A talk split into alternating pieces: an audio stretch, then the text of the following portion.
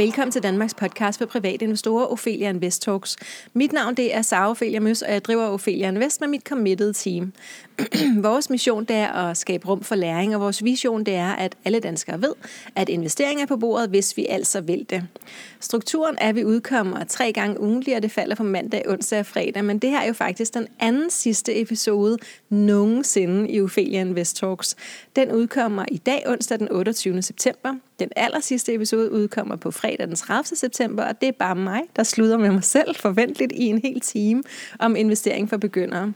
Vores hovedsponsor her i 2022 har været Nasdaq, men Nordnet har også været en kær sponsor gennem fem år. Og i dag er jeg faktisk cyklet ud til, hvad hedder det herude? Det ved jeg faktisk ikke helt. Øhm, det hedder Havneholm Havn, Havneholmen, Havneholmen, hvor at, øh, at Nordnet bor, og det var Per Hansen, du lige hørte. Jeg er nemlig cyklet ud for at snakke om de sidste fem års aktier i Danmark og resten af verden, og alt det, der er sket de sidste fem år, hvor jeg har været i gang og har siddet her og snakket med dig der lytter med. Og øhm, med til den her næste time har jeg fået lov til at snakke med Helge Larsen, som er redaktør og indehaver af nyheds- og debatsitet proinvestor.dk. Og .com, invest- tak. .com for Sørensen. Og det var Helge, der allerede ikke kan sige stille. Godt, proinvestor.com, så vigtigt, så vigtigt. Og investeringsøkonom hos Nordnet. Og formentlig stadigvæk Danmarks mest citerede investeringsøkonom, Per Hansen. Hej. Hej, tak fordi jeg måtte være med. tak fordi jeg måtte komme og forstyrre jer. Øhm, Andreas, som øh, er en af dem, som hvad er han herude i virkeligheden? Det ved du måske, Per? Ja, han er chef for marketing. Han er chef for marketing. Andreas, det er ham, jeg snakker meget med. Han sagde, jeg tror godt, jeg kan overtale dem, hvis det er, at de bare kan slappe af, og du stiller spørgsmål. Og så sagde jeg, det gør jeg altid. Så, så tak, fordi I ville stille op, både Helge og Per. Selv tak. Selv tak. Vil I ikke lige først og fremmest fortælle lidt om jer selv og jeres baggrund, og hvad I laver til daglig? Helt kort, og hvis du starter, Helge. Ja, altså jeg laver mange ting. Jeg har fem små virksomheder, og en af dem er proinvestor.com. Og hvorfor jeg siger proinvestor.com og fremhæver det før, det er fordi, hvis du siger DK, det har vi prøvet mange gange ind i øh, Millionærklubben, så brokker folk, så, fordi de, så fordi kommer de ikke lige ind det rigtige sted. Ikke? Yes. Så det er mere derfor. Mm-hmm. men proinvestor.com er den seneste tilkøbte virksomhed, jeg har til, til dem, vi har i familien, og øh, det må jeg sige. Jeg har været redaktør siden 2014, øh, og så i 2020, så, hvor der kom jo alt det her covid-halløj der, så tænker jeg, ej, nu skulle jeg lige være herre på under, eller have fået noget eget bord med ja. hensyn til det her, fordi det kræver altså en masse investeringer, fordi vi fik så, så mange besøgende i den periode, så det kræver virkelig en opgradering mm. af det hele, og da de gamle aktionærer ikke havde lyst til det, jamen så, så købte jeg sitet, og så har jeg ikke set mig tilbage lige siden på det område. Og det kunne du jo, fordi du har været ret succesfuld med flere af dine andre forretninger, ikke sandt? Blandt andet, ja. Altså, jeg øh, må jeg sige, at jeg har været en tålmodig investor i mm-hmm. mange år. Jeg har en forretning ude i Røddercenter, og til næste år har jeg ejet den i 40 år. Wow, var det mega sejt. så, så, øh, en helsekostforretning? Ja, det er en helsekostforretning, ja. og, og så udover det har jeg haft 30 sportsforretninger gennem årene, og så ja, nu har jeg en lille fabrik, der laver hudplejeprodukter, og, ja, ja. Meget, og, og en del andet. Og alt det har vi jo faktisk snakket rigtig meget om i en tidligere episode, hvor vi snakker om dit øh, liv som erhvervs- øh, og karrieremand. Lidt ord om dig, Per? Jamen, øh, jeg bruger faktisk de fleste af døgnens 24 vågne timer på at se, om jeg så godt som det overhovedet lader sig gøre, kan komme med nogle idéer til, hvad de private investorer skal kigge efter. Ikke hvad de skal købe og sælge, men forsøge at Øh, perspektivere en lang række ting, alt fra naturgaspris til olie, til lakseopdræt, til tørlast, til containerrater, til Novo Nordisk og valuta. alt muligt andet valuta og hvad der ellers rører sig rundt omkring. Det forhåbentlig at gøre de brede investorer til at være den bedste investor, som de selv kan være. Ja, mega fedt. Øhm, rigtig fedt. Og så giver det jo rigtig god mening, at det er jer to, som, øh, som jeg snakker med. Og det gør jeg jo øh, blandt andet, fordi at I har en podcast sammen, der hedder Investeringspodcasten. Og hvor længe har I kørt den nu, Per? Den har vi kørt, øh, vi har optaget 136 afsnit, så den har vi kørt jo, da vi kører hver uge, så kan man sige, at vi er på vej mod øh, afsnit 150, som er, øh, ja... Vel ind i tredje år. Vel ind i tredje år, ja. ja. Så øh, jeg tror, at det her, det er måske sådan noget, nu synes jeg bare 245 episode af Ophelia Invest Talks, så jeg har været i gang lige lidt længere end, øh, end jer, men, øh, jeg ved ikke også, om, om jeg måske mistede nogle lyttere, dengang I kom på banen, at der var nogen, der hellere ville høre jer. I hvert fald så tænkte jeg jo, at det var øh, meget oplagt at give stafetten videre i en eller anden forstand, fordi nu ophører vi med at udkomme hver uge. Og hvis man synes, det har været hyggeligt at høre lidt om investering hver uge, så øh, min varmeste anbefaling til jer hos Investeringspodcasten. Så nu kan dig, der lytter med, lige blive øh, introduceret til Helge og Per, hvis du ikke kender dem i forvejen. Og så tænker jeg, at, øh, at du bliver fan af dem fremover. Jeg har besluttet, at vi skal snakke lidt om, hvad der er sket de sidste fem år da det var, at, øh, at jeg var ny investor øh, tilbage i, det har været sådan noget midt 17, så startede det egentlig rigtig fint, men så skete der nogle ting i, øh, i 2018. Det gik rigtig godt, og så kom december, og så begyndte øh, aktierne at falde, og det faldt faktisk rigtig meget, sådan så vi kom ud af 2018 med et minus på 13,2 procent på det danske indeks. Og det tror jeg overraskede rigtig mange, at, at det gik så galt lige der til sidst. Øhm, Per, vil du ikke starte med at komme med en, en lige, hvad var det, der foregik? Øhm, du må gerne tage, tage, hvis der er andet i 2018, du også har brug for at nævne i den forbindelse. 2018 var jo det tidspunkt, hvor der var noget, der hed Donald Trump. Øh, og der skete mange ting rundt omkring. Det skal jo ikke være en politisk gennemgang, for det har jeg slet ikke øh, tilstrækkelig indsigt i, og det er der nogen, der ved øh, meget mere om øh, end mig. Men 2018 øh, sluttede jo af på, det, på den ufede måde, fordi øh, Donald Trump var med til at skabe en hel del nervøsitet og usikkerhed. Og i virkeligheden, så kan man sige, at øh, den her America First, jamen den gjorde måske noget på kort sigt for amerikanerne, men den gjorde ikke nødvendigvis så meget godt for den globale investor. Og hvis vi skal skrue tiden et par år tilbage, for samtidig er det sådan, at hvis man skal kende øh, nutiden, så er det en god idé at kende fortiden for at Præcis. få en idé om fremtiden. Så var ja. det jo også to år tidligere, hvor britterne havde stemt sig selv ud af det europæiske fællesskab, og jeg tror, der er, der er visse lighedspunkter mellem Boris Johnson og den øh, politik, øh, som nationalkonservativ han har ført i England, og så Donald Trumps idé om, hvordan verden den så ud, verden ifølge Donald Trump. Men det er fuldstændig rigtigt, at i øh, november og december måned 2018, jamen der var det jo ikke nogen god oplevelse for investorerne Øh, det endte jo så egentlig året efter rigtig, rigtig godt, for 2019 blev jo et fænomenalt aktieår, og det er måske noget af det, som vi kan håbe på gentager sig for 2022. Det bliver et møgår, øh, både for så vidt angår dem, der investerer i aktier, men også fordi dem, der investerer i obligationer, stort set ikke helt, men dem, der investerer i de længst løbende obligationer med den største kursrisiko, har fået et negativt afkast, som næsten desværre kan måle sig med det tab, man har fået på aktier. Og det gør jo, at 2022 bliver noget helt nyt, ikke kun fordi man engang imellem får aktietæsk, men fordi også de blandede produkter oplever kursfald.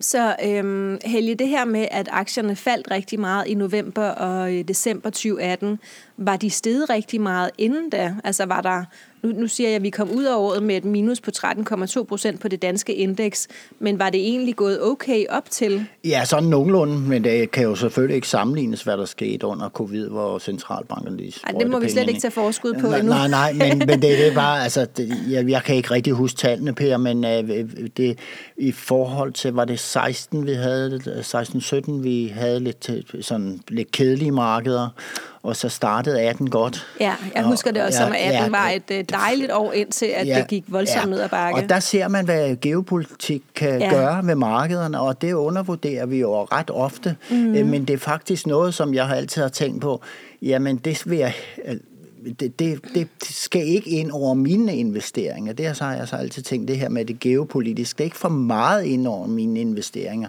Det er jo ligesom uh, Warren Buffett, han siger, jamen, uh, du, hvis, det skal faktisk være sådan, når du bygger tingene op, øh, og som jeg har gjort tålmodigt, så skal du tåle en gang imellem, at du står for et, et tab. For eksempel, han nævner specifikt i det, det her det meget berømte citat, der nævner han, at hvis du ikke kan tåle 50% tab på din portefølje, eller på verdensmarkederne, en gang imellem, så skal du måske ikke være investor. Og det sidder faktisk meget inde i mig. Og så da det her kom, så prøvede jeg at analysere på det. Jamen, det, man, vi havde Trump, og så skældte han ud på Hillary i, i den periode. Og, der, og så begyndte han at snakke om, at medicinalselskaberne og farmaselskaberne, de skulle virkelig trynes, og der, de skulle, deres overnormale profit, det skulle væk. Og det gik jo meget ud over de, mange af de aktier, jeg havde, fordi mm. jeg var godt inde i farmaindustrien ja. på det tidspunkt. Ja. Men, øh, men men man har, alle har jo snakket om det her, de amerikanske politikere de sidste 20 år, om hvad medicinpriserne skal lave, så jeg tog det ganske roligt. Ja, så, så bare for lige sådan at, at trække essensen ud af det øh, til dem, der sidder og lytter med. Så det du siger, det er, at, at du lader ikke de geopolitiske øh, stemninger øh, have indflydelse på, hvordan du passer din portefølje? Altså, mit basale valg, det har jeg truffet. Ja. Og så tænker jeg, at det her solidt nok til, at øh, når verden skælver, ja. øh, øh, kan, hvordan klarer de sig? Og det har jeg så prøvet at gøre, og nogle gange går det godt, men øh, andre gange sker det jo også, at man får nogle ordentlige knap. Og godt råd fra Warren Buffett om, at vi skal være villige til at tage øh, 50 procent altså, en gang, en gang imellem. imellem. Ja. Og, og så er det jo, øh, øh, at øh, han så tænker, jamen det er jo her, hvor alle er frygtsomme, og det er så der, man måske skal rykke ind i markedet gode Når der aktier. er udsalg, ja lige præcis. Ja. Per, øh, hvad vil du tilføje? Jamen, hvis vi kigger 2018, jamen, så skete der jo også noget nogle år øh, tidligere, som havde en effekt senere. Det var nemlig i 2015, hvor den europæiske centralbank indførte quantitative easing. Det vil sige, at de gjorde det samme som i USA, hvor øh, centralbanken begyndte at købe obligationer op for at tilføre markedet mere likviditet og presse de langsigtede renteforventninger ned.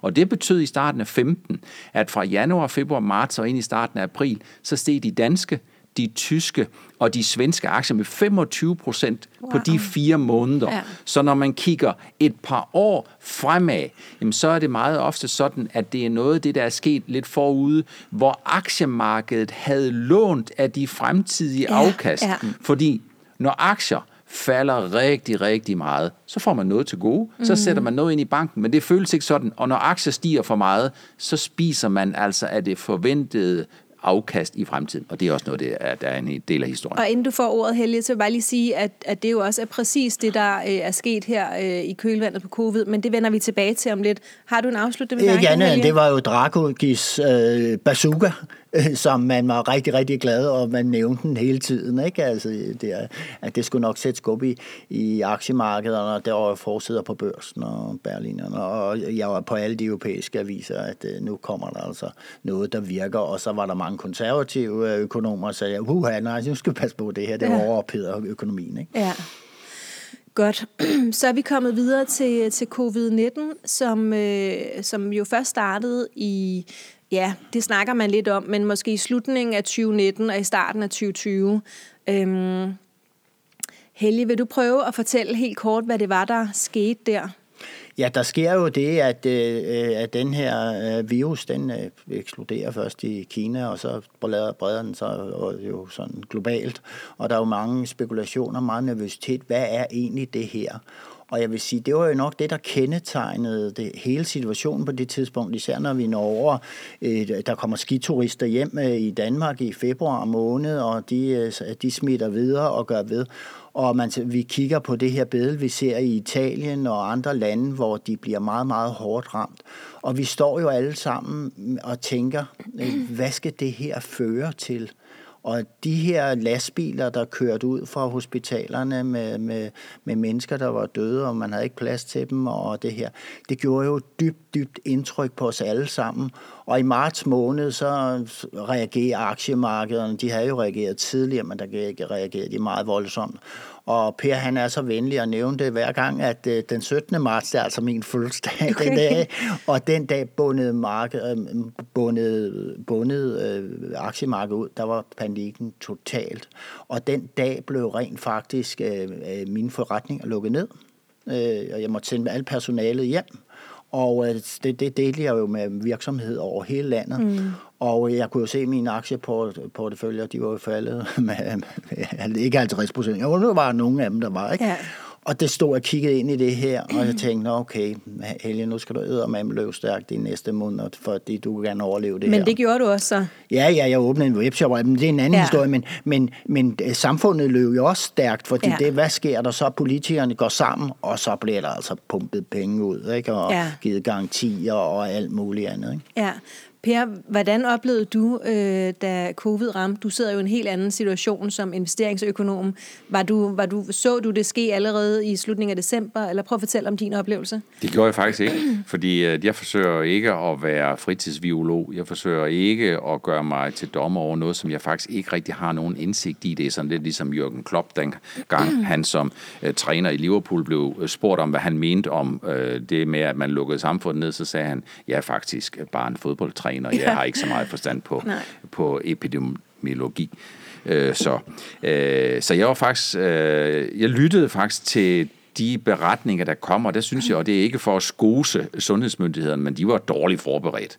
Øh, så den der distribution af, hvad der egentlig ventede os, jamen der var jeg ikke særlig godt forberedt. Jeg husker sådan Brostrøm, det er ikke fordi, jeg skal skose ham, man sagde omkring den 25. februar, han var faktisk ikke engang sikker på, at det her sådan for alvor nåede til Danmark. Øh, så jeg tror, der er rigtig mange, der ligesom mig, øh, blev meget overrasket over, hvad der sker. Og så ved vi jo, at aktiemarkedet, det er jo der, hvor den virkelige økonomi, det der sker udenfor, det bliver gang med en faktor 5. For oveni, der sidder vi jo alle sammen som mennesker og reagerer med nerverne og følelserne uden på tøjet. Så det vi så i marts måned 2020, øh, jamen det var jo, at aktiemarkedet og risikofornemmelsen, den kommer på på øh, plads, men man knipser to gange med fingrene, så tager det to til tre uger, så bliver risikoen, den bliver presset ud af aktiekurserne, som falder med 30-40% på indeksniveau. Bum, siger det bare. Og så sker der egentlig det, at så får man den der risikofornemmelse ud. Vi vil ikke længere have aktier. Vi skal af med det her. Det er ligegyldigt med prisen. Og, så, og, og, og økonomien øh, får det jo først bedre en til to år øh, øh, senere, fordi man begynder at lukke samfundet op igen og alle de her ting. Men aktiemarkedet, det er altså et sted, hvor den virkelige verden tidsmæssigt bliver ganget med fem og samtidig 10. Og det er øh, formentlig noget af det, som de fleste undrer sig over, dem der står uden for aktiemarkedet, hvordan tingene egentlig kan være så vilde og gå så hurtigt. Og aktiemarkedet er den ultimative ledende indikator. Det er den, der hele tiden 20 starter det er den, der hele tiden forsøger at løbe i forvejen. Så når investorerne her i slutningen af september måned 2022 sidder og kigger på noget, så sidder de ikke og kigger på, hvad der sker inden for de næste 1-2 dage med økonomien. De sidder og, og forsøger at få et billede af, tror vi på, at den amerikanske centralbank er færdig med at hæve renterne i februar måned 2023, og hvordan ser recessionsbilledet ud?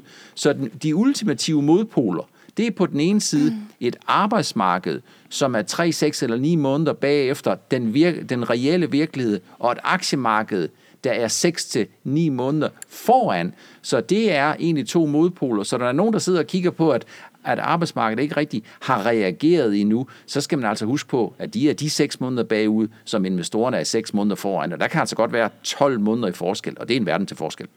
Så øhm, for at opsummere øhm, til dem, der sidder og lytter med, så hvis man er i tvivl om, hvordan det går med verdensøkonomien, så skal man bare kigge på aktiemarkedet. Det skal man. Man skal kigge på aktiemarkedet, og jeg er faktisk meget forbavset over, at så få egentlig kigger på aktiemarkedet for at få en idé om, hvordan investorerne tænker, økonomien vil se ud om 3-6 måneder. Så i stedet for og forsøge at kloge sig på, hvordan økonomien ser ud i dag, så skal man spørge aktieinvestorerne om, hvad de glæder sig over, eller hvad de bekymrer sig om, når vi skal kigge ind i den umiddelbare fremtid. Aktiemarkedet og aktieinvestorerne har ikke altid ret, men de har altid med garanti et bud. Øhm, og Per, kan du ikke lige prøve at fortælle, øhm, hvordan så aktiekurserne ud øh, lige op til covid-19 ramte? Hvad skete der så under og, og så bagefter? Bare sådan i korte træk. Det kan jeg. I 2019, øh, det var jo efterbrænderne efter den dårlige afslutning på 2018, som ja. du har været inde på. Jamen i 2019, der steg aktierne rigtig, rigtig meget. Så når man kommer ud af et år i 18, hvor stemningen er dårlig, så får man taknemmelig udgangspunkt. Så kører aktierne rigtig meget op i 2019. Aktierne stiger rigtig meget. Prisfast... Hvad er rigtig meget? Jamen, pri, øh, så, vidt, så, så vidt jeg husker, øh, så var der noget, der ligner 25 procent eller sådan noget lignende ja. på, på, på indeksniveau. Og gennemsnittet er 7. Ja. Yes. og samtidig minus 20, men ja. det skal vi ikke snakke så meget om. Så kommer vi ind i 20, øh, 2020, der er vi sådan lidt i en limbo. Der kommer nogle af de her rapporter om Kina og den her influenza, som er, ja. den har man lidt svært ved at få styr på, og, vi, og, og aktiemarkederne daller lidt frem og tilbage uden den store retning, og i Asien, der er kurserne, de er begyndt at falde. Vi kommer ind i marts måned, og der er det sådan, at der tager investorerne, de tager det, de, øh, det, de ejer, og så smider de det i småt brandbart øh, ud af, af vinduet med aktierne, øh, ud med badevandet, og så skal de ikke eje aktier, så falder aktierne altså med 30-35 procent på, på indeksniveau. Uger, på, på nogle ganske få ja. uger. Og når indeks falder 30-35 procent, så siger det lidt sig selv, så er der masser af aktier, der falder 40, 50, 60 procent. 90 procent også var der også nogle. Og til dem, der lige sidder og lytter med og har glemt, hvad et indeks er, så er det bare en samling aktier, øh, så lad os sige 1000 aktier fra hele verden. Det kunne være et verdensindeks. Ja. Så når verdensindekset øh, for eksempel falder lad os sige 30-50 procent, så er der rigtig mange aktier, der er faldet på én gang. Så er det rigtig, rigtig vildt, at for bare at give et billede på det, jamen så på det tidspunkt, hvor man var i gang med at lukke hele verden ned, så vidste man jo, at folk de skulle jo sådan set bare blive hjemme og ikke rigtig gøre noget, og opfattelsen var, så skulle vi ikke længere ud, og vi skulle ikke handle med end alt muligt andet, og AP Møller Mærsk øh, for eksempel, aktiekursen ramte omkring 4.000 i lavpunktet, og et par år senere har den været i 25.000. Ja. Så det fortæller meget godt noget om, at aktier i ekstremer, jamen der er det sådan lidt ligesom et bungee jump. Du er på vej ned, og når du kommer på vej ned, så hvis du ville være sådan en type ligesom mig, så vil du få rigtig, rigtig ondt i maven. Og på vejen ned, der vil du stille dig selv to spørgsmål. Den ene, det er, hvor meget kan elastikken give sig? Altså, er det sådan, at elastikken lige pludselig giver sig ekstra meget, fordi jeg vejer 10 kilo mere mm-hmm. end mhm. den gennemsnitlige person? Ja. Og punkt to, når så elastikken den har givet sig ekstra meget, så er det næste spørgsmål, som du så spørger dig selv om i de splitsekunder, som det tager at falde ud fra den her klippeskrænt, det er, kan videre om elastikken den ender med at holde. Ja. Helge, har du øh, noget, du vil tilføje covid, inden vi hopper videre til Brexit? Jo, øh, øh, at jeg vil tilføje, at det er en meget, meget ekstrem situation, og den er mm. meget svær at overskue for aktieinvestorerne. Hvor, ja. hvor ender det her? Og Per og jeg, vi havde, var, havde jo vores ugenlige podcast, hvor vi on and off, vi, vi måtte jo ikke altid sidde Nej. i det samme rum, men uh, der diskuterer vi løbende de her ting. Og det, som vi så, det var jo, at jamen, altså, lige så snart der kom penge ind i markedet fra, fra centralbankerne, og regeringerne var lempelige og, og støttede op, og man fik tilskud i USA, især i USA, hvad, så fik man jo penge, en check sendt med posten, ikke? og så kom der jo rigtig gang i handelen. Men øh, det, som jeg hele tiden nævnte, at det er, at vi har en dark horse. Hvordan udvikler den øh, her epidemi sig? Fordi øh, Per kan jo godt sige det her med 3 til seks måneder frem, men jeg var meget kritisk over for det samlede markedsvurdering af noget, der var fuldstændig nyt mm. for rigtig, rigtig mange. Ja. Så derfor var jeg rimelig tilbageholdende i den periode, og det er jeg også nu, hvor vi står i en situation, hvor der er rigtig mange ting, der er nye for os. Mm. Øh, en ting er recession og almindelige konjunkturer, der svinger hver syvende år, det der, det kender vi jo alle sammen til, og, og det har vi jo læst om, øh, ja, lige så længe man kan huske næsten, og lært i skolen. Men situationer som det her, de er ukendte. Ja. Og der, det skaber meget volatilitet i markederne. Som er det, udsving. Det, ja, og det har vi virkelig set. Og øh, ja, men jeg håber, at der er nogle swing trader og nogle day trader, der har fået noget gevinst på den konto. Men der er mange, der har brændt fingrene. Og, og kan du måske, fordi det er faktisk også et spørgsmål, øh, og, og det sprang vi lidt over her i øh, ved snakken om, om december 2018. Men hvordan har det påvirket de private investorer? Der har jo været en, en stor strøm af nye investorer i, sådan i kølvandet på covid, der, fordi vi sad derhjemme, og ja. at alle kedede sig og havde for mange penge, ja. som vi ikke vidste, hvad vi skulle bruge til osv. Øhm, men, men var vi overmodige utålmodige inden, og så blev vi overnervøse efter, eller kan du prøve at sætte det på på det, Helge? Ah, det, det, det, det, altså man kan ligesom dele det op i lidt forskellige tempi. Mm. Altså jeg tror, at de fleste, de begy- når man får det her så et voldsomt fald i markedet, som skete der i marts, øh, marts-april måned, så begynder man jo, så bliver man jo nervøs, og mange har jo bare solgt ud i panik. Og så sker der så det, at hvad nu det hedder, de typisk vil... Øh, de fleste vil typisk på et tidspunkt begynde at øh, øh, øh, reflektere over ting, og så vil de nyorientere sig. Og så går de traditionelle investorer, de er sikkert gået ind i traditionelle aktier.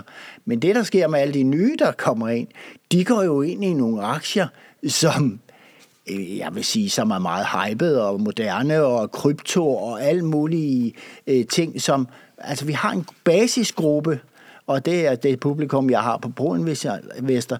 En basisgruppe af lidt ældre øh, investorer, folk, der har mos på bagsmækken og sådan noget. Og så har vi hele den her gruppe af nye, så styrter ind i grønne aktier, fordi de, jamen, den grønne trend mm. er åbenbar, men man kigger ikke på, om man investerer i selskaber, der jamen, for de første indtjening 5-6 år ude i, i fremtiden. Og man ser jo også, at det er så det, der knækker allerførst. Er de, grønne, de grønne aktier, og mm. vækstaktier og alt det her, det knækker først. Men de har jo været vidunderlige at være i. Jeg håber, der er rigtig mange, der måske et eller andet sted er kommet ud i tide. Ikke? Men det er den forskel, hvorimod mere dem, der har en basal tankegang om aktier, de har nok klaret sig rimelig godt, tror jeg. Ja. Øh, men og er blevet også hånet på de sociale aktiemidler. Det er dig selv. Du er en boomer, og du ved ikke noget om krypto, og du ved ikke noget om vækstaktier og så videre. Nej, jeg ved mm. lidt om nøgletal. Ja. ikke? Men, øh, så, så den diskussion har der været. Så vi har de to grupper. Og de nye vil, og de gamle? Ja, de nye. Og de nye, Jamen, det er fint, de får knaldet. Altså, det har vi andre fået mange gange før, og Ja, men, men kunne man måske øh, argumentere for, at det er lidt ærgerligt at komme ind, øh, hvis de kom meget sent ind i kampen, og så bare fik en ordentlig en over snuden, gik ned, lad os sige 50 procent. Jeg tænker, der er rigtig mange, som så har solgt øh, og har tænkt, det her det er ikke noget for mig. Hvad, vi kan ikke beskytte, vi kan ikke pakke folk, øh, investorerne oh, ind i hvad der bomuld. Altså, jamen det er ikke hårdt, fordi det ved jeg fra mig selv. Jeg har levet langt liv, og jeg mm. har haft mhm. store tab på virksomheder, og jeg tjener mange penge på virksomheder. Yeah. Det er faktisk sådan her liv, at det vi lærer noget af, det er, at vi kommer ned og ligger med nakken. Det kan godt være, at så sidder der alle mulige kloge og skal sige, nu skal vi bare høre, I skal passe på det, og I skal passe på det. Jamen, de lytter jo ikke, når først det, det, musikken spiller.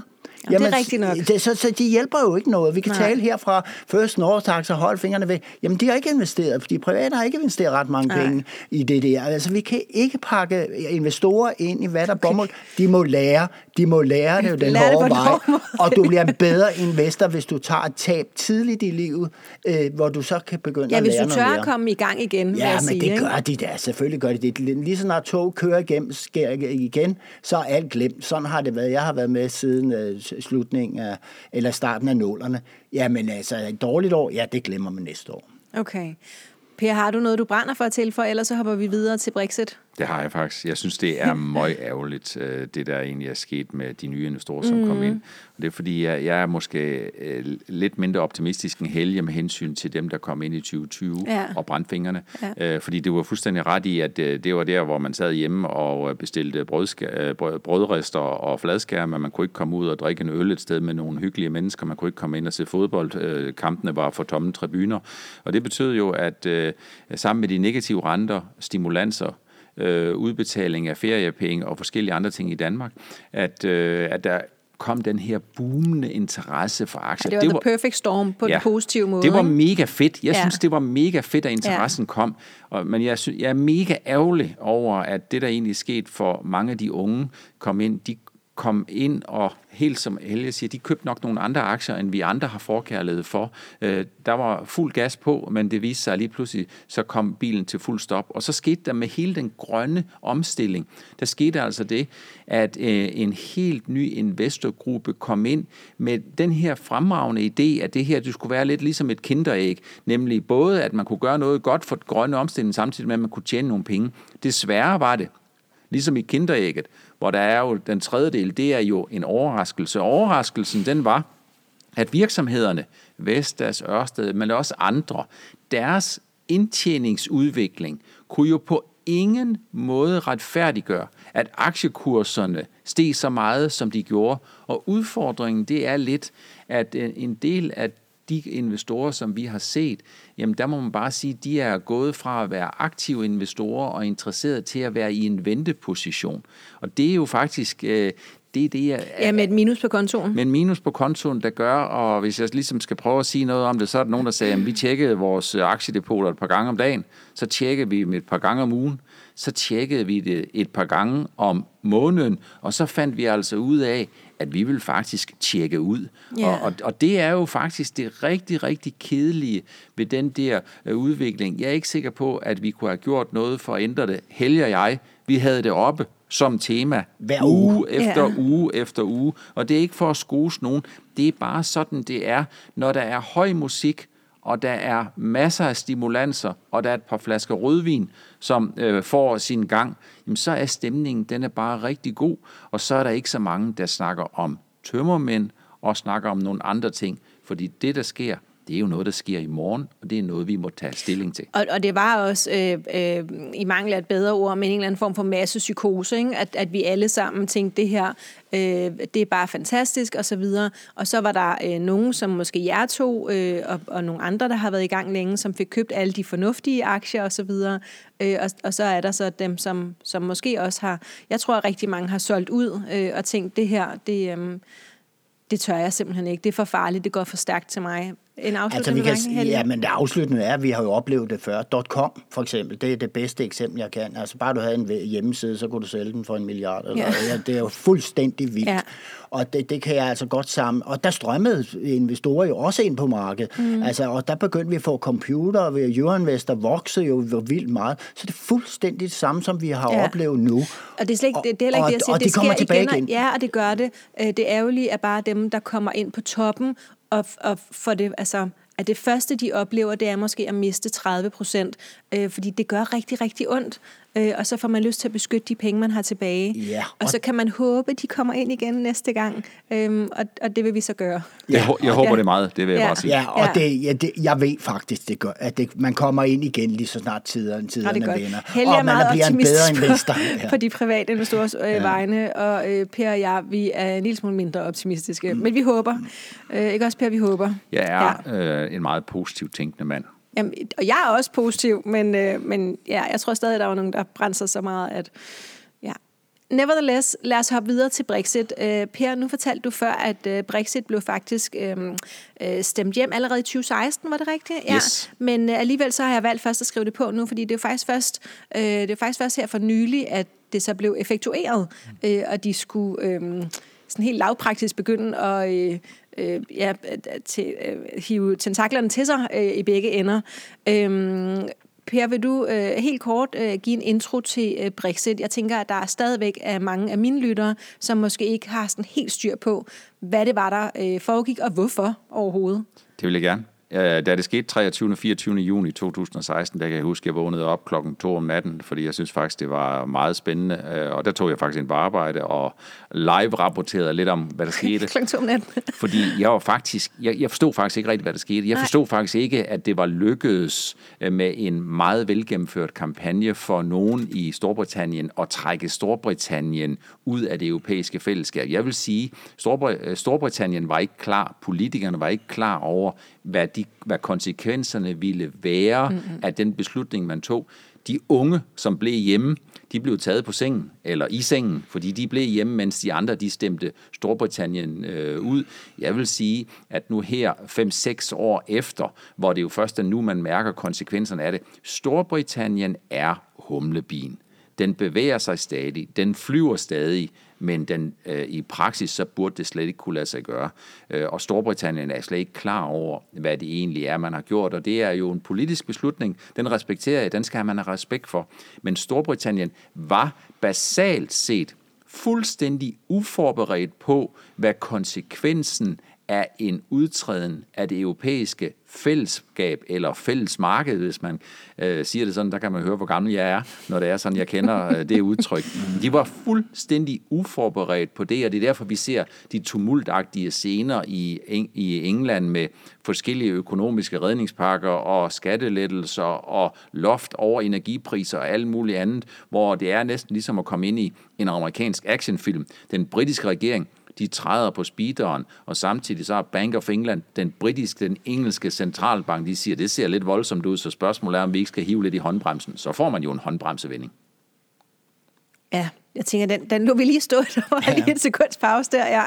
Øh, fordi det er lidt voldsomt, og det er jo ikke kun, øh, det er jo ikke kun de økonomiske ting, der er i gang derovre. Øh, jeg synes, når man hører, øh, hører om det, det lyder som Ragnarok. Ikke? Altså med øh, lastbilchauffører, der øh, ikke har arbejde og som holder i køer, og at de ikke har råd til øh, varme. Og, altså, jeg, jeg bliver helt bange og ked af det hver gang, at, at jeg hører, hvad det er, der foregår derovre, fordi det jo er nogle af dem, som vi sammenligner med. Det er jo vores øh, brødre og søstre Ikke? Altså, vi bor på de samme breddegrader, og de er lige rundt om hjørnet, og de, mange af os... Øh, har jo været i London øh, i tid og utid igennem, øh, hele livet igennem. Helge, kan du måske prøve at sætte lidt ord på, hvad, hvad det er, der ellers foregår?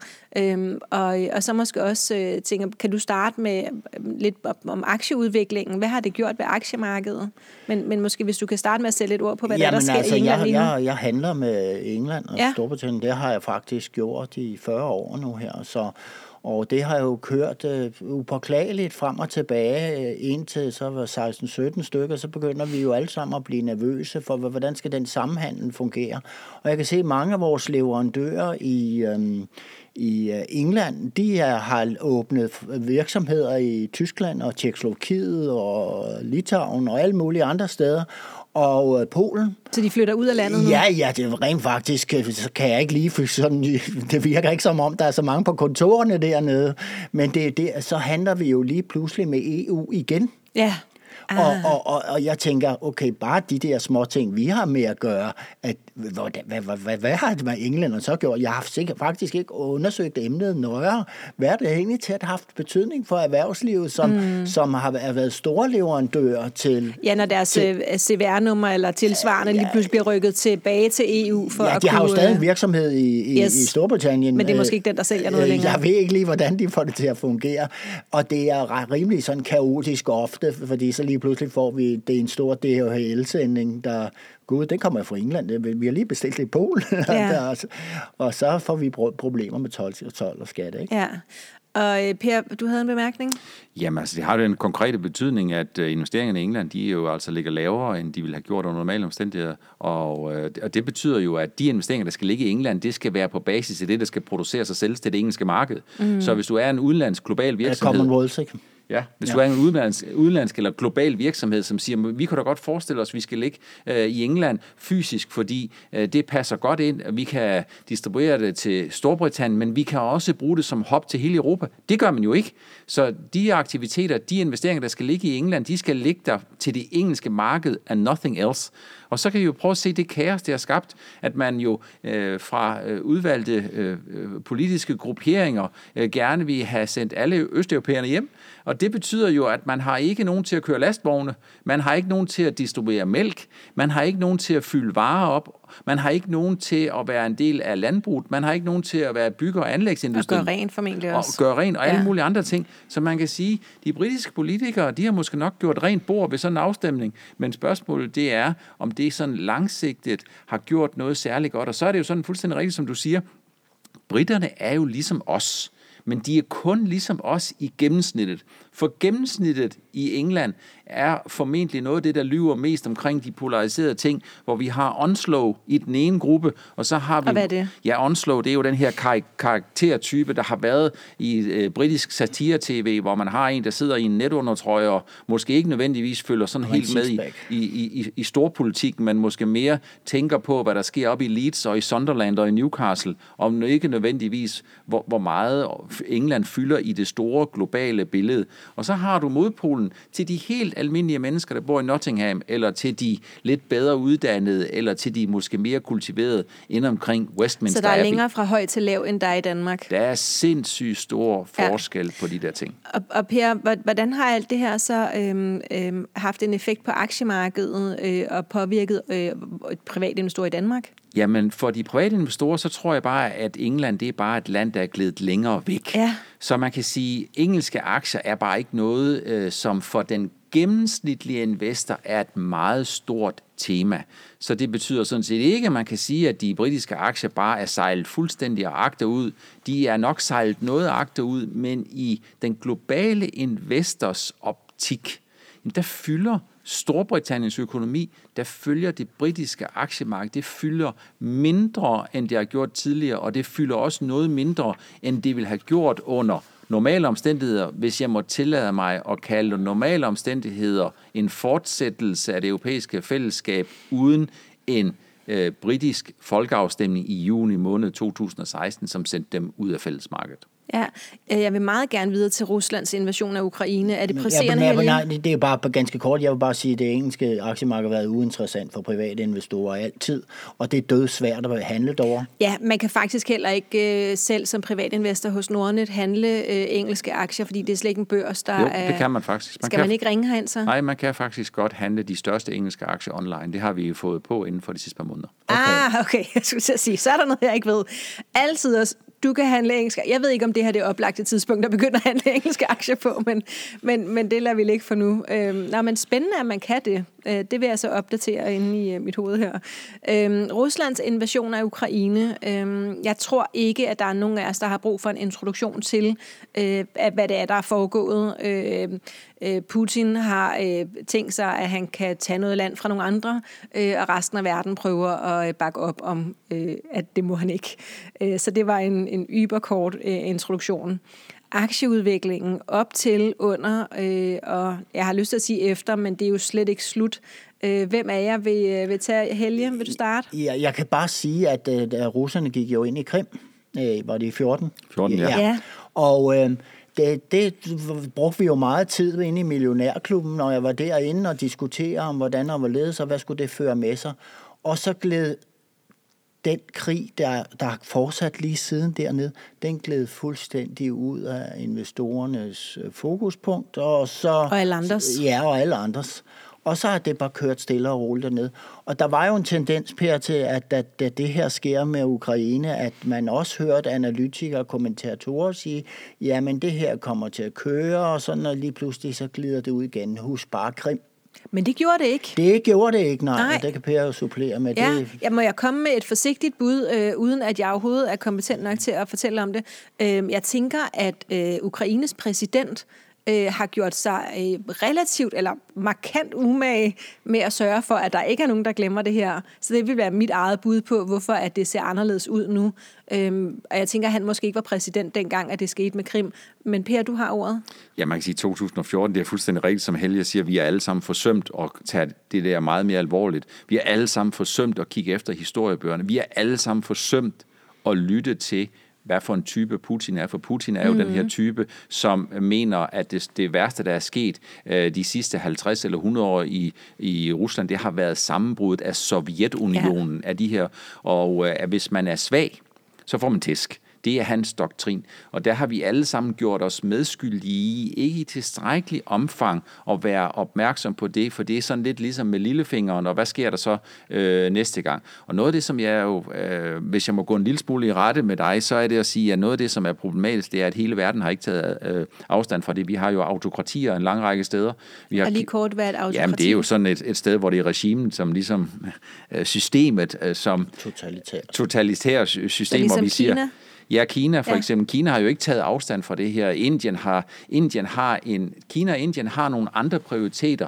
De her prioriteter, der hedder råstoffer, de skal have en... Øh, Ja, de vil gerne handle med de Rusland. vil gerne handle med Rusland, eller også så vil de gerne handle med dem, der har råstofferne.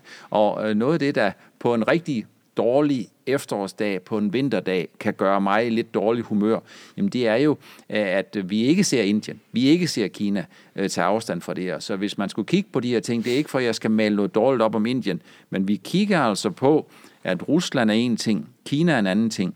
Og så har vi Mellemøsten, hvor det inden så længe, så skal der nogen, der skal ned og spille fodbold, men hvor man middels talt også har en anden opfattelse af øh, menneskerettigheder, som vi har. Så Rusland er på den måde desværre ikke alene.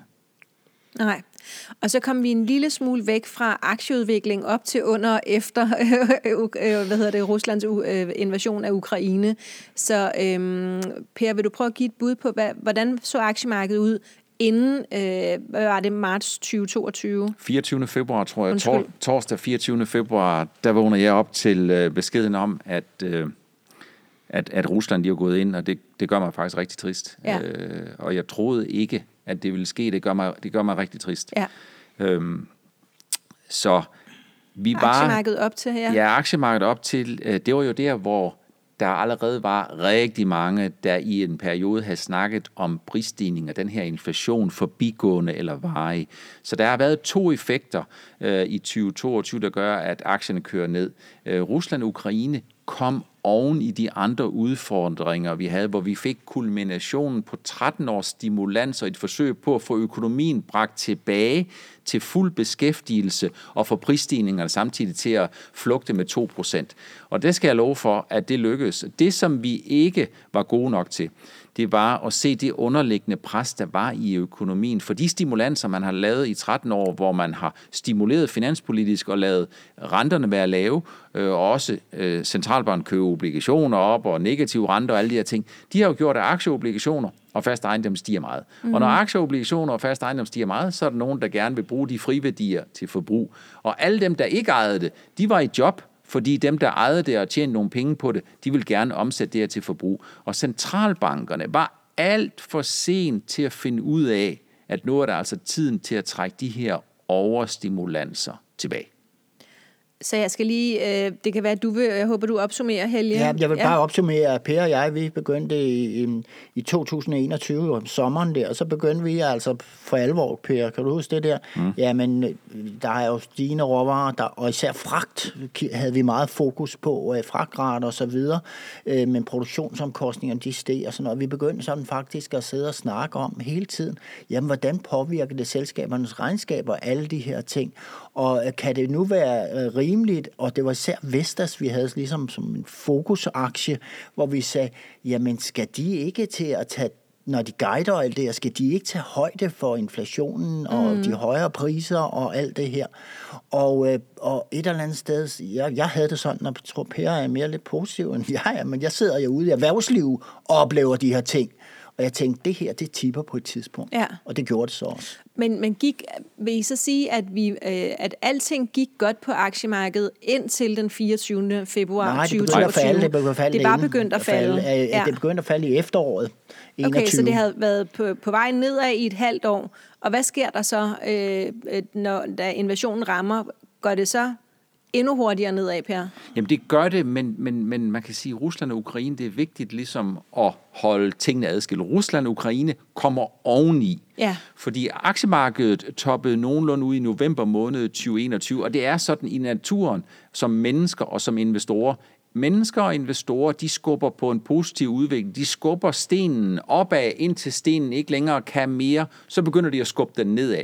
Og det var jo hele diskussionen og debatten, der skiftede fra øh, august måned 2021 frem til november, december øh, 2021 og januar 2022 om inflationen, som var forbigående, eller om det var noget, der var mere permanent. Men, men Per, vil du sige, at, øh, øh og, og Helle, du må også godt svare, hvis du har et svar, men vil I sige, at det her med inflationen og, øh, og, og renter og alt det her, er det noget, som den private investor går og er utrolig påvirket af i sin valg af aktier, eller er det mere, øh, når de store ting rammer, at vi så tænker, okay, nu bliver jeg faktisk lidt bange, fordi at øh, hver ting, vi har talt om her, så har I nævnt nervøsiteten blandt de private investorer, øh, og som jeg ser det, så er det ikke inflationen, der gør os nervøse, fordi det er sådan et snigende monster. Øh, Jamen altså, det er helt tydeligt. Kigger vi på det, der sker i efteråret 21, og der, det er jo helt klart, altså fra november måned, det er helt klart, at der kommer det her med inflation. Nu begynder folk altså at forstå, hvad det drejer sig om. I hvert fald øh, mange investorer mm, globalt.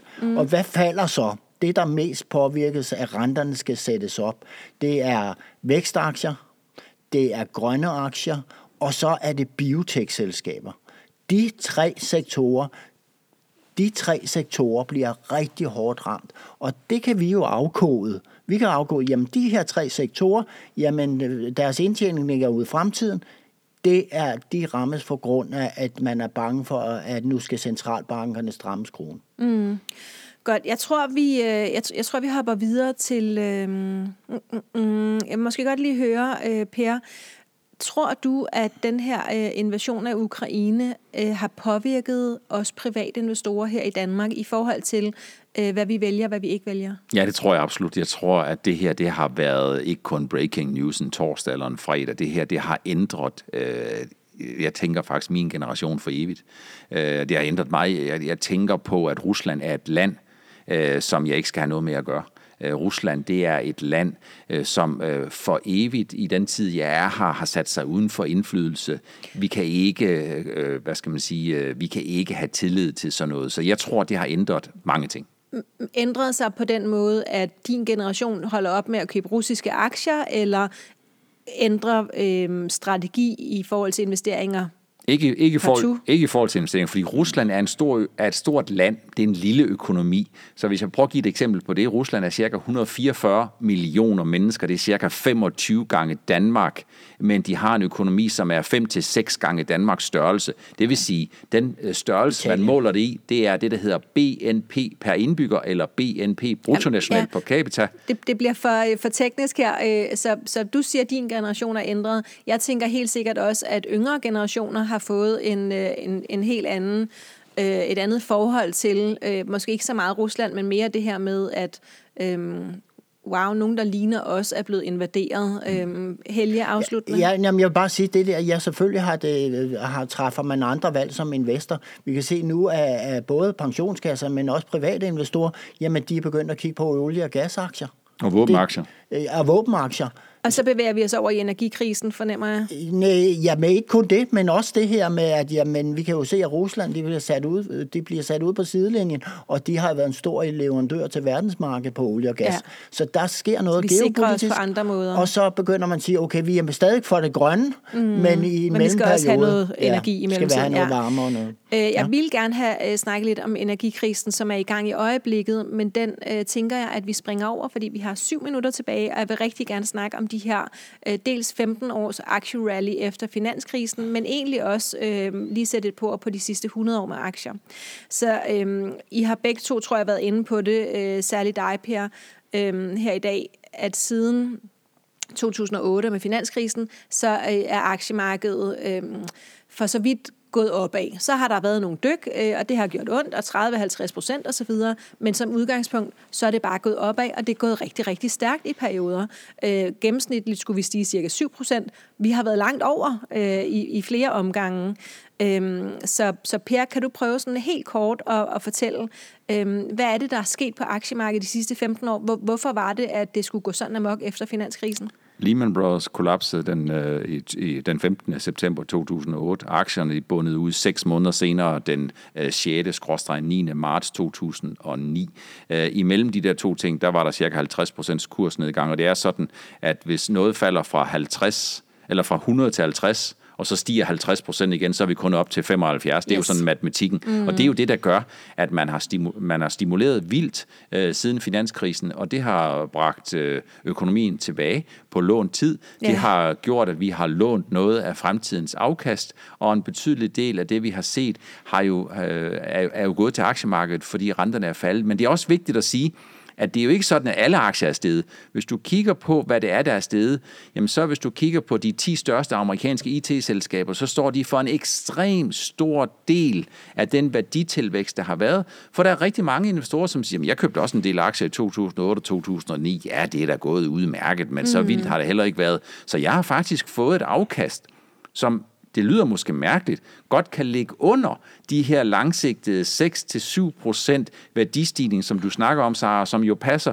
fuldstændig rigtigt med det langsigtede. Så det har Så det er været, meget spredt, at det er, noget er, det er polarisering, og det er stimulanser, og så er det altså sådan, at dem, der bare har været passive investorer, øh, i, de- øh, de har jo egentlig bare løbende købt flere Apple og flere Tesla og flere Microsoft-aktier. Ikke fordi de har købt Apple, Apple, Tesla og Microsoft, men det er fordi, det er dem, der vægter mere og mere så de og begynder mere at og fylde mere. uforholdsmæssigt meget i Ja, de fylder, de fylder rigtig, rigtig meget, mm. så de har egentlig bare været passive. Og det er ikke fordi, uh, skoser den Nej. Nej. udvikling. Det er den her fuldstændig helt naturlige udvikling, og man kan sige, alle dem, der hjemme ved kakkelbordene sidder og slider helt vildt med deres analyser, de tænker, hold da fast, det fik jeg ikke nok ud af. Øhm, den her lånte tid, skal vi begynde at betale tilbage nu?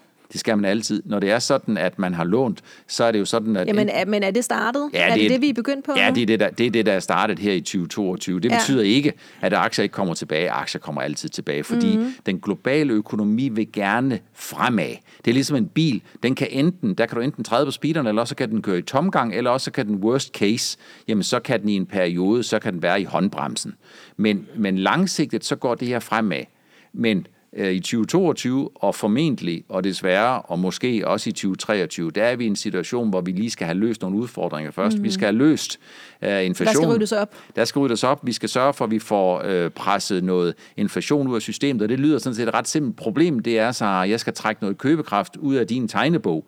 Det er det, der skal ske. Mm-hmm. Så der er måske mange, der ikke helt er klar over, hvad det betyder, når renterne de skal op. Det betyder, at jeg skal stjæle noget købekraft for dig, og jeg skal gøre, at du bliver dårlig humør, end du ellers ville være, når du skal ud og købe ind. Det er det, det handler om, når man skal slå købekraften ned. Det er den dårlige version. Den gode version, det er, vi skal nok komme tilbage igen. Vi skal nok få løst det her. Og vi skal. Og det er jeg også nødt til at være meget optimistisk omkring. Vi skal nok få en løsning, hvor vi, som vi kan leve med og leve godt med i relation til Rusland og Ukraine. Men det ser, og det er jeg nødt til at indrømme, det ser meget svært ud. Og det tager lige et øjeblik. Det tager It's længe. gonna take a minute. Helge, øh, hvis vi to så kigger øh, mere 100 år tilbage, tilbage fra øh, 2029, eller hvad hedder det, 1929 med det store krak der, og så er der jo nærmest gået 100 år nu, ikke, siden da. Øh, jeg tænker, øh, de sektorer, som var interessante i 30'erne eller i 20'erne, Øh, og det er store spørgsmål at kaste ud øh, her i, men jeg tænker, at, at I, I til fælles godt ved et eller andet.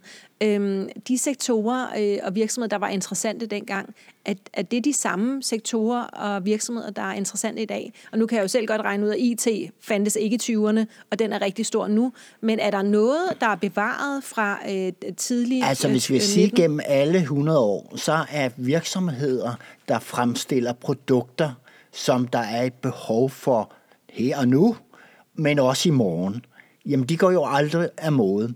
Industrierne ændres også, og, og, og det var jo mange gange industriselskaber, sådan noget, man havde dengang, ikke? Øh, og man havde også visse handelsselskaber og sådan noget. Men alt det ændres, men, men det der kernen i det hele mm. er, har du et produkt, du kan sælge fremadrettet? Og Warren Buffett, han er jo et godt eksempel. Han begyndte jo at investere for 100 år en madpakke siden, Ja. og han har mange af de selskaber endnu. Ikke? Ja.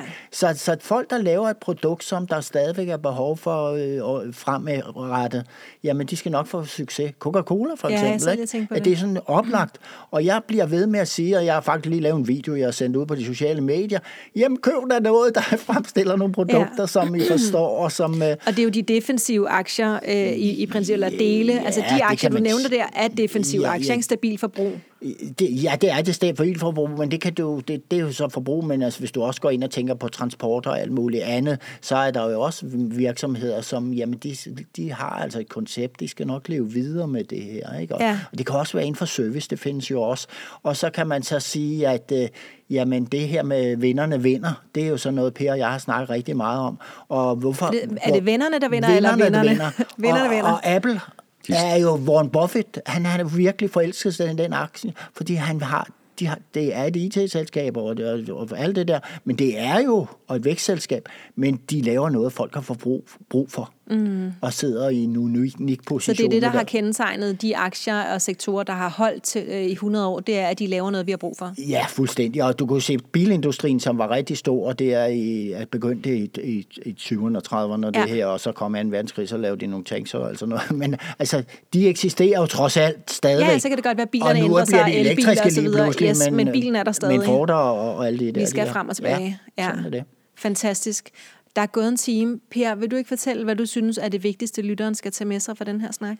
Jeg håber, at de har bevaret humøret og forventningerne og håbet om, at ved at være passiv, langsigtet medspiller på aktiemarkedet, så får man faktisk et meget stærkt og godt og konkurrencedygtigt afkast. Jeg håber ikke, at man taber humøret. Jeg håber, at man ser aktiemarkedet og obligationsmarkedet, hvor man kan få nogle renteindtægter som et rigtig godt langsigtet sted øh, at placere sine penge. Der er ikke noget quick fix. Man kan ikke knipse med fingrene og sætte øh, alle sine penge på, at Manchester United vinder 3 over Liverpool, eller sætte alle sine penge på en aktie og håbe på, at den skal 25 doble i morgen, og så være sikker på, Så at det sker bredde i porteføljen også. bredde i porteføljen og holde ud og holde med.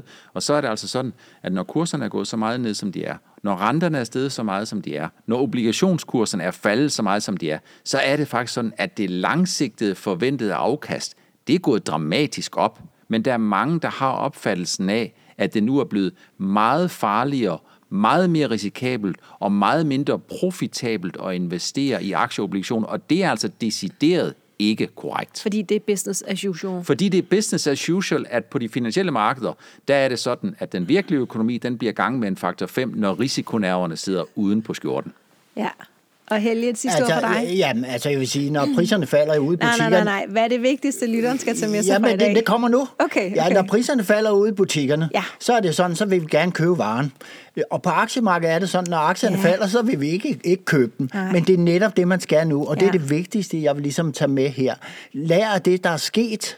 Tænk dig godt om, reflektere, og så find nogle aktier, som... Øh, Jamen, som er langtidsholdbare, eller en strategi, der er langtidsholdbar, fordi den kan jo godt indeholde forskellige øh, typer aktier, men øh, det her, det er tålmodigt sigte, og så bare, ja, jeg gør jo det, jeg siger, kan jeg få 5-10 procent i afkast om året, så er jeg glad. Mm. Øh, og, og så det man, bør vi alle være glade ja, for. Ja, vi, vi skal, vi skal, skal ikke sigte, ja, skal vi skal ikke sigte så højt, øh, og øh, det lærer, men vi har jo lært meget i den her tid, det har været en fantastisk øh, tid i skolen her de ja. sidste to-tre år. Ikke? Ja. Så tag det gode med det fra det. Tak til jer begge to. Øhm, jeg synes, det gik okay i forhold til at styre øh, både jer og tiden og så videre øh, og samtalen. Jeg håber dig, der øh, sidder og lytter med, at du er blevet klogere. Ellers så vil jeg sige, prøv at høre den en gang til, så bliver du endnu klogere. Og ellers så altså investeringspodcasten, øhm, der kan du høre mere til de to herrer på ugentlig basis fremover. Tak Per, fordi du vil være med. Tak Helge, fordi tak. du vil være med. Øhm, dig, der sidder og lytter med, du kan følge investeringspodcasten øh, på alle mulige medier, har jeg lyst til at sige. Øhm, jeg tænker, Nordnet øh, på Facebook måske også øh, deler lidt derfra en gang imellem. Jeg forestiller mig, der er noget YouTube-kanal i virkeligheden også, hvor man kan sidde og se på jeres Og på ProInvestor har vi dem hver uge og sender dem ud med vores nyhedsbrev. Masser. Bare google investeringspodcasten, så vælter det frem. Øhm, vi udkommer med en enkelt episode endnu, og det er fredag den 30. september 2022, og så udkommer vi ikke mere. Men podcasten bliver liggende. Ophelia Investor vil du fortsat kunne finde på øh, alle de her forskellige podcast-apps fremover. Og så er der bare tilbage at sige tusind tak, fordi du lyttede med.